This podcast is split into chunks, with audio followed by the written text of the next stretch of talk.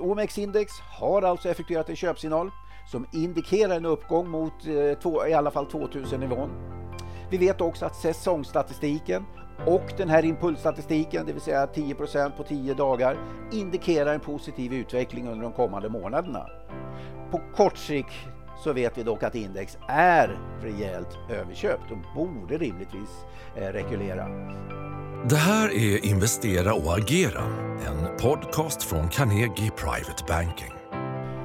Det är torsdag den 19 november och klockan är nu snart 12 och ni lyssnar på mig, Jonny Torssell, som är teknisk analytiker här på Carnegie Private Banking. Idag ska jag prata om eh, vad jag tror om Stockholmsbörsen men också eh, titta på USA-börsen, det vill säga S&P 500.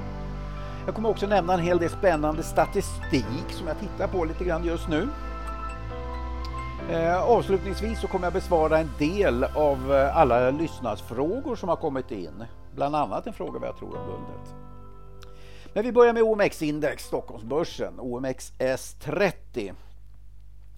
Index noteras eh, med en köpsignal, så senaste signal, i och med att motståndet vid 1860 passerades här Eh, förra måndagen, det vill säga den 9 november. Dessutom så passerades nästa motstånd vid dryga 1900 i måndags den 16 november. Det vill säga den topp som träffades i, eh, precis innan coronanedgången som var ju vid dryga 1900. Och nästa målområde det möter nu vid jämna psykologiska 2000-nivån. Så index noteras alltså med köpsignal som senaste signal och är dessutom på obruten mark, det vill säga på nya all time high-nivåer. Men efter en uppgång med, ja, men det är över 10% på över eh, 10 dagar så är naturligtvis index kraftigt överköpt och på kort sikt så borde vi få någon typ av, eh, av rekyl. Ehm, så på kort sikt, det vill säga kanske en till två veckor, så borde vi eh, få en rekyl. Men på en till tre månaders sikt så indikerar analysen att, det, att eh, index borde vidare upp. Vi har ju också en hel del spännande statistik som indikerar ett positivt scenario. Eh, till exempel så vet vi ju, så känner vi ju alla till den starka respektive svaga sexmånadersperioden. Den starka sexmånadersperioden är ju från den sista oktober fram till den sista april. Och den svaga sexmånadersperioden det är från den sista april till den sista oktober. Tittar vi på de senaste 33 åren, det är så långt vi har på i OMX-index, så kan vi konstatera att index har gått upp i 76 procent av alla fallen under den här starka sexmånadersperioden. Och den genomsnittliga avkastningen, lyssna nu, den är 10 procent. Alltså, på de här sexmånadersperioderna, på alla de här 33 sexmånadersperioderna som vi tittar på, så har index gått upp i 76 procent av fallen med i genomsnitt drygt 10 procent. Tittar vi på samma statistik, fast från eh, den sista april till den sista oktober, då har index gått upp i 62 procent av fallen, men den genomsnittliga avkastningen är bara 0,3 procent. Det vill säga all, börs, all avkastning på börsen sedan 1986, eh, den har i stort sett genererats under den här starka sexmånadersperioden som vi befinner oss i just nu. En annan sak som jag tycker är lite intressant, det är ju att index från den senaste botten här i slutet på oktober fram till nu i stort sett, den har gått upp 10% på 10 börsdagar. Och Det här är ju en indikation på en impulsrörelse. Ni som har läst mina böcker eh, och som har hört mig eh, tala och, och eh, läst short term under en längre period. Ni vet att eh, en, eh, jag brukar prata om impulsrörelser, det vill säga en stark rörelse på kort tid. Och impulsrörelser har en tendens att leda till först absolut en kortsiktig rekyl, men sen fortsatta rörelser i riktning med impulsen. Så vad säger statistiken om det här? Vad har hänt historiskt när index har gått upp 10% eller mer på 10 börsdagar? Jo, på kort sikt då har index rekylerat. Då har vi negativ avkastning under de kommande fem dagarna på 1,1% Men tittar vi en månad framåt till exempel, då har index gått upp i 63 av fallen med i genomsnitt 1,8 procent. Och tittar vi tre månader framåt efter en sån här eh, eh uppgång då på 10% eller mer på 10 dagar. Då har index gått upp i 78% av fallen med i genomsnitt 6,1% på tre månader. Gör om det till en årsavkastning så har vi en fantastisk avkastning. Så, så att det, här är, det här är jättestark statistik. Så, låt oss gå över och titta lite grann på S&P 500 då, USA-börsen. Eh, index noterade ju eh, under måndagen här nu i måndags, det vill säga den 16 november, en ny rekordstängning. En ny all time high. Eh, klart över den tidigare toppen som träffades då vid 35,90 den 2 september. Och normalt sett så är det här positivt för börsen. Jag menar, vi, I ungefär 70 procent av fallen brukar index fortsätta upp Eh, tre 3 till 6 månader efter att vi har noterat en ny all time high. Och eh, vi har ju dock en situation där index från botten det sista oktober fram till mitten på november har gått upp med 10% på 11 dagar. Och på kort sikt borde det här leda till en rekyl. Men historiskt, precis som för Stockholmsbörsen, så har, det här, eh, så har den här eh, typen av impulser lett till fortsatta uppgångar. Tittar vi på all statistik i S&P sedan 1985, så, länge, så långt som jag har eh, data i S&P så kan vi konstatera att när index har gått upp 10% eller mer på 11 dagar, så tre månader senare så har index i genomsnitt gått upp 6,3% Det är ungefär lika bra statistik då som för OMX-index. Och det har gått upp i 72 av fallen. En månad senare så har det gått upp i 72% av fallen med i genomsnitt 2,1% vilket ju är översatt i en, i, en årsavkastning är ju fantastiskt bra statistik. Och tittar vi på eh, den här starka och svaga sexmånadersperioden då från 1950 det vill säga de senaste 70 åren, så kan vi konstatera att andelen vinster under den starka sexmånadersperioden den, eh, den är 79 procent. Det vill säga, det har gått upp i 79 procent av alla fallen under de senaste 70 åren. Mellan den, om, om man mekaniskt köper den sista oktober och säljer den sista april.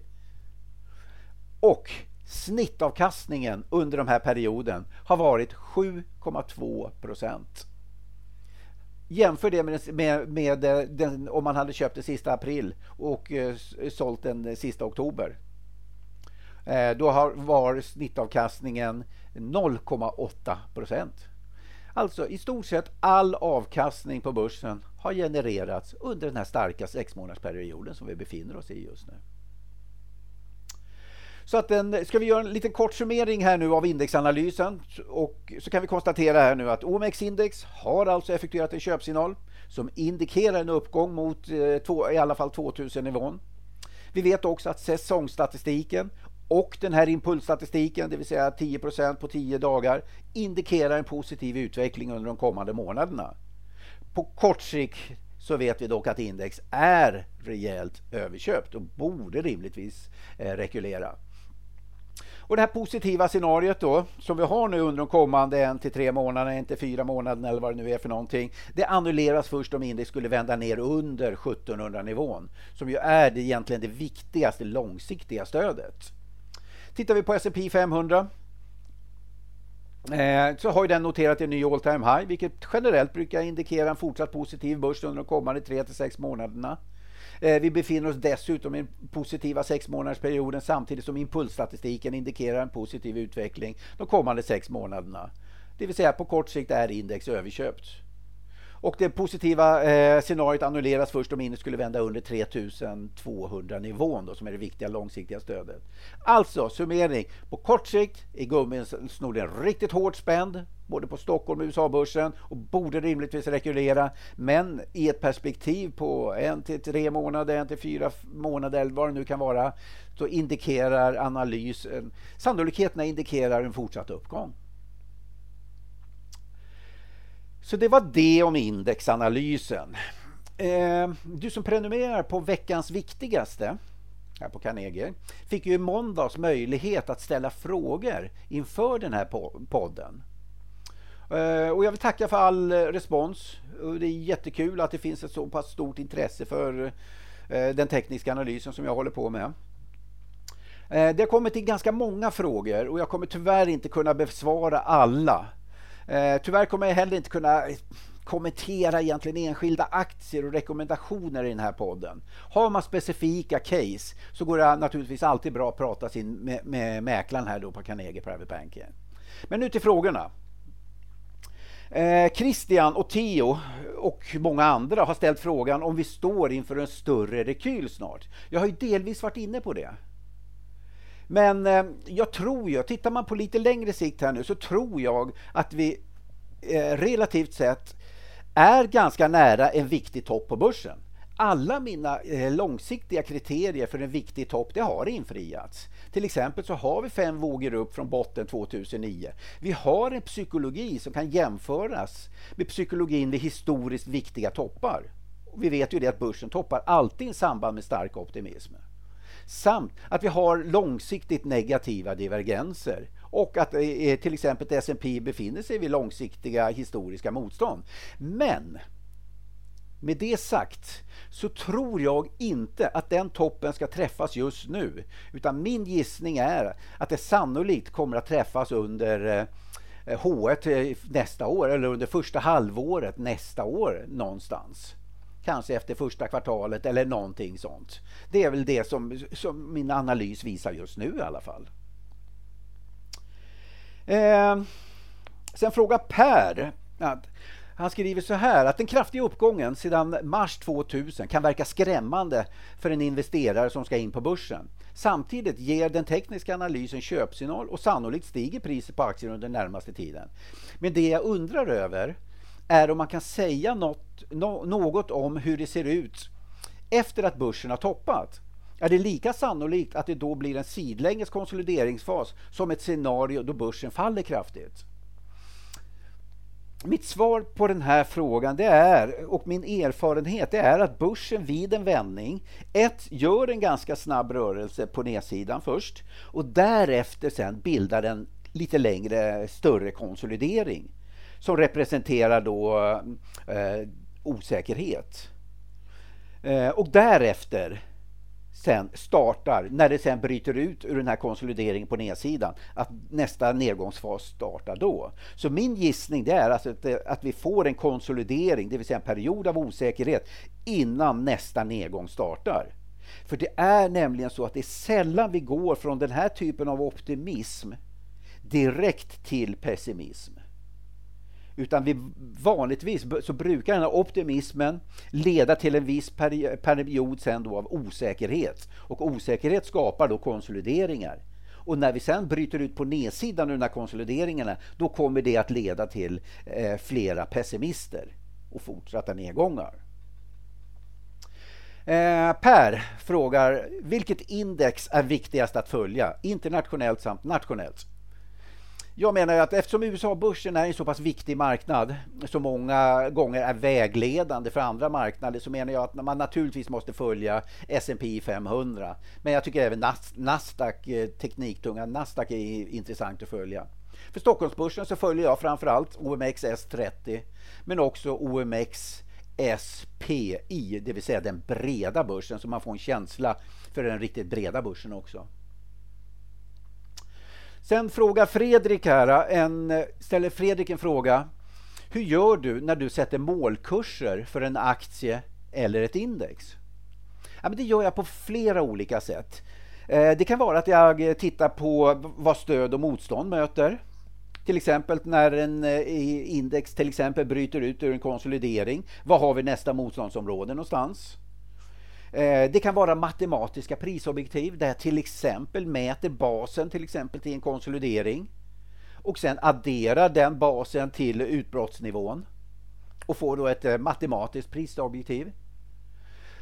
Men det kan också baseras då på våganalysen, det vill säga Elliott Wave som är en stor eh, eller en viktig analys. vad ska man säga? Ett viktigt verktyg i min analysarsenal. Sen frågar Mikael då, vilka sektorer tror du på? Han frågar även vilka bolag. Ja, men, ja, många verkstadsbolag eh, till exempel har eller är på väg att bryta ut på uppsidan. ur den flera månader långa konsolideringar.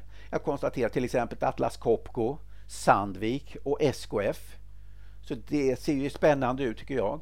Sen har, har ju bankaktierna till exempel brutit upp och effektuerat köpsignaler vilket är intressant. Men också enskilda aktier som till exempel Millicom har brutit ut en halvårs lång konsolidering och effektuerat en köpsignal och samma sak med Hennes Mauritz. Så det är aktier som jag i alla fall håller ögonen på. Kortsiktigt så är ju alla de här äh, aktierna äh, rejält äh, överköpta på kort sikt då, men, och borde, borde rekulera. Men, men på lite längre sikt så tycker jag i alla fall att charten ser väldigt spännande ut. Sen ställer Lars en fråga. Hur ser din analys över guld ut? Eh, jag ska inte gå in på några specifika nivåer och sådär, men jag noterar ändå att båda Ädelmetallerna, det vill säga både guld och silver, noteras i konsolideringar med låg volatilitet. Eftersom volatilitet jämviktspendlar vol eh, eh, så vet vi med till visshet gränsande sannolikhet att ädelmetallerna just nu laddar för en rörelse. En ganska kraftig rörelse tror jag. Så just nu håller jag ögonen på, eh, på utbrottet som jag tror alltså kommer att leda till en volatilitetsexpansion, det vill säga en trendrörelse. Så att metallerna är någonting som jag håller ögonen på just nu. Jag kan väl nämna också att eh, jag tror att det var i, i dagens short term eh, den 19 november så har jag gjort en video på det här för er som är prenumeranter på short term. Där jag visar hur det ser ut med både guld och silver. Eh, sen ställer Mats en fråga kring Elliots vågteori. Och det, ja, det var en förhållandevis lång fråga. Jag läser bara sista, sista meningarna här. Så skriver han så här att om vi fortfarande är i våg 5, hur länge anser du att den ska pågå? Jag har svårt att tolka vågorna rätt just nu. Eh, så svar på den frågan. Jag tror att vi fortfarande befinner oss i en våg 5 upp från botten i mars. Och jag tror inte att den femvågssekvensen är klar ännu. Jag har i alla fall än så länge inte fått några signaler på att den skulle vara klar. Eh, och jag kan nämna också att i shorten den 18 november, det vill säga i onsdags, eh, så presenterade jag eh, min våganalys för den breda Stockholmsbörsen. Så om ni är prenumeranter på shorten så kan ni titta på den. då. Så där eh, visar jag hur jag tolkar eh, vågorna, både på lång sikt och lite mer på medellång sikt. Eh, sen skriver Morgan som avslutning att, eh, ja, intressant fråga. Eh, vad har du för insikter idag som du önskar att du hade tidigare i karriären? Och den här tycker jag är en superintressant fråga. Och det är ju naturligtvis ja, det är många saker. Men om jag bara ska lyfta ut en så kanske det är, skulle vara då att värdet av att göra misstag. Det kanske låter konstigt. Men det, jag menar att det är misstagen som leder till visdom. I alla fall en väg till visdom. Jag brukar, jag brukar säga att en expert det är en person som har gjort alla möjliga misstag som man kan göra inom ett begränsat område. Jag är verkligen den perioden. Jag har gjort alla möjliga misstag som man kan göra i min 34-åriga karriär som teknisk analytiker. Och det magiska med att göra misstag, det är att man blir visare genom att man för det första reflekterar över sitt misstag och sen lär sig av det här misstaget. Och gör man det på ett klokt sätt så har man blivit lite visare. Alltså, så var inte rädd att göra misstag. Lär dig av misstagen och du kommer att bli bättre hela tiden. Jag kommer fortsätta att göra misstag under min karriär här. Men ju fler misstag jag gör, som jag lär mig av, desto smartare och bättre teknisk analytiker blir jag. Men som sagt, det finns många andra saker också, men det hinner jag inte gå in på nu. Nu har jag dragit över tiden rejält här. Så tack för att du har lyssnat och ett stort tack till alla ni som har ställt alla dessa intressanta frågor. Tack så mycket. Är du intresserad av topprankad aktieanalys och unika investeringsmöjligheter? Gå då in på carnegie.se private banking och lär dig mer om vad du får som private banking-kund hos oss.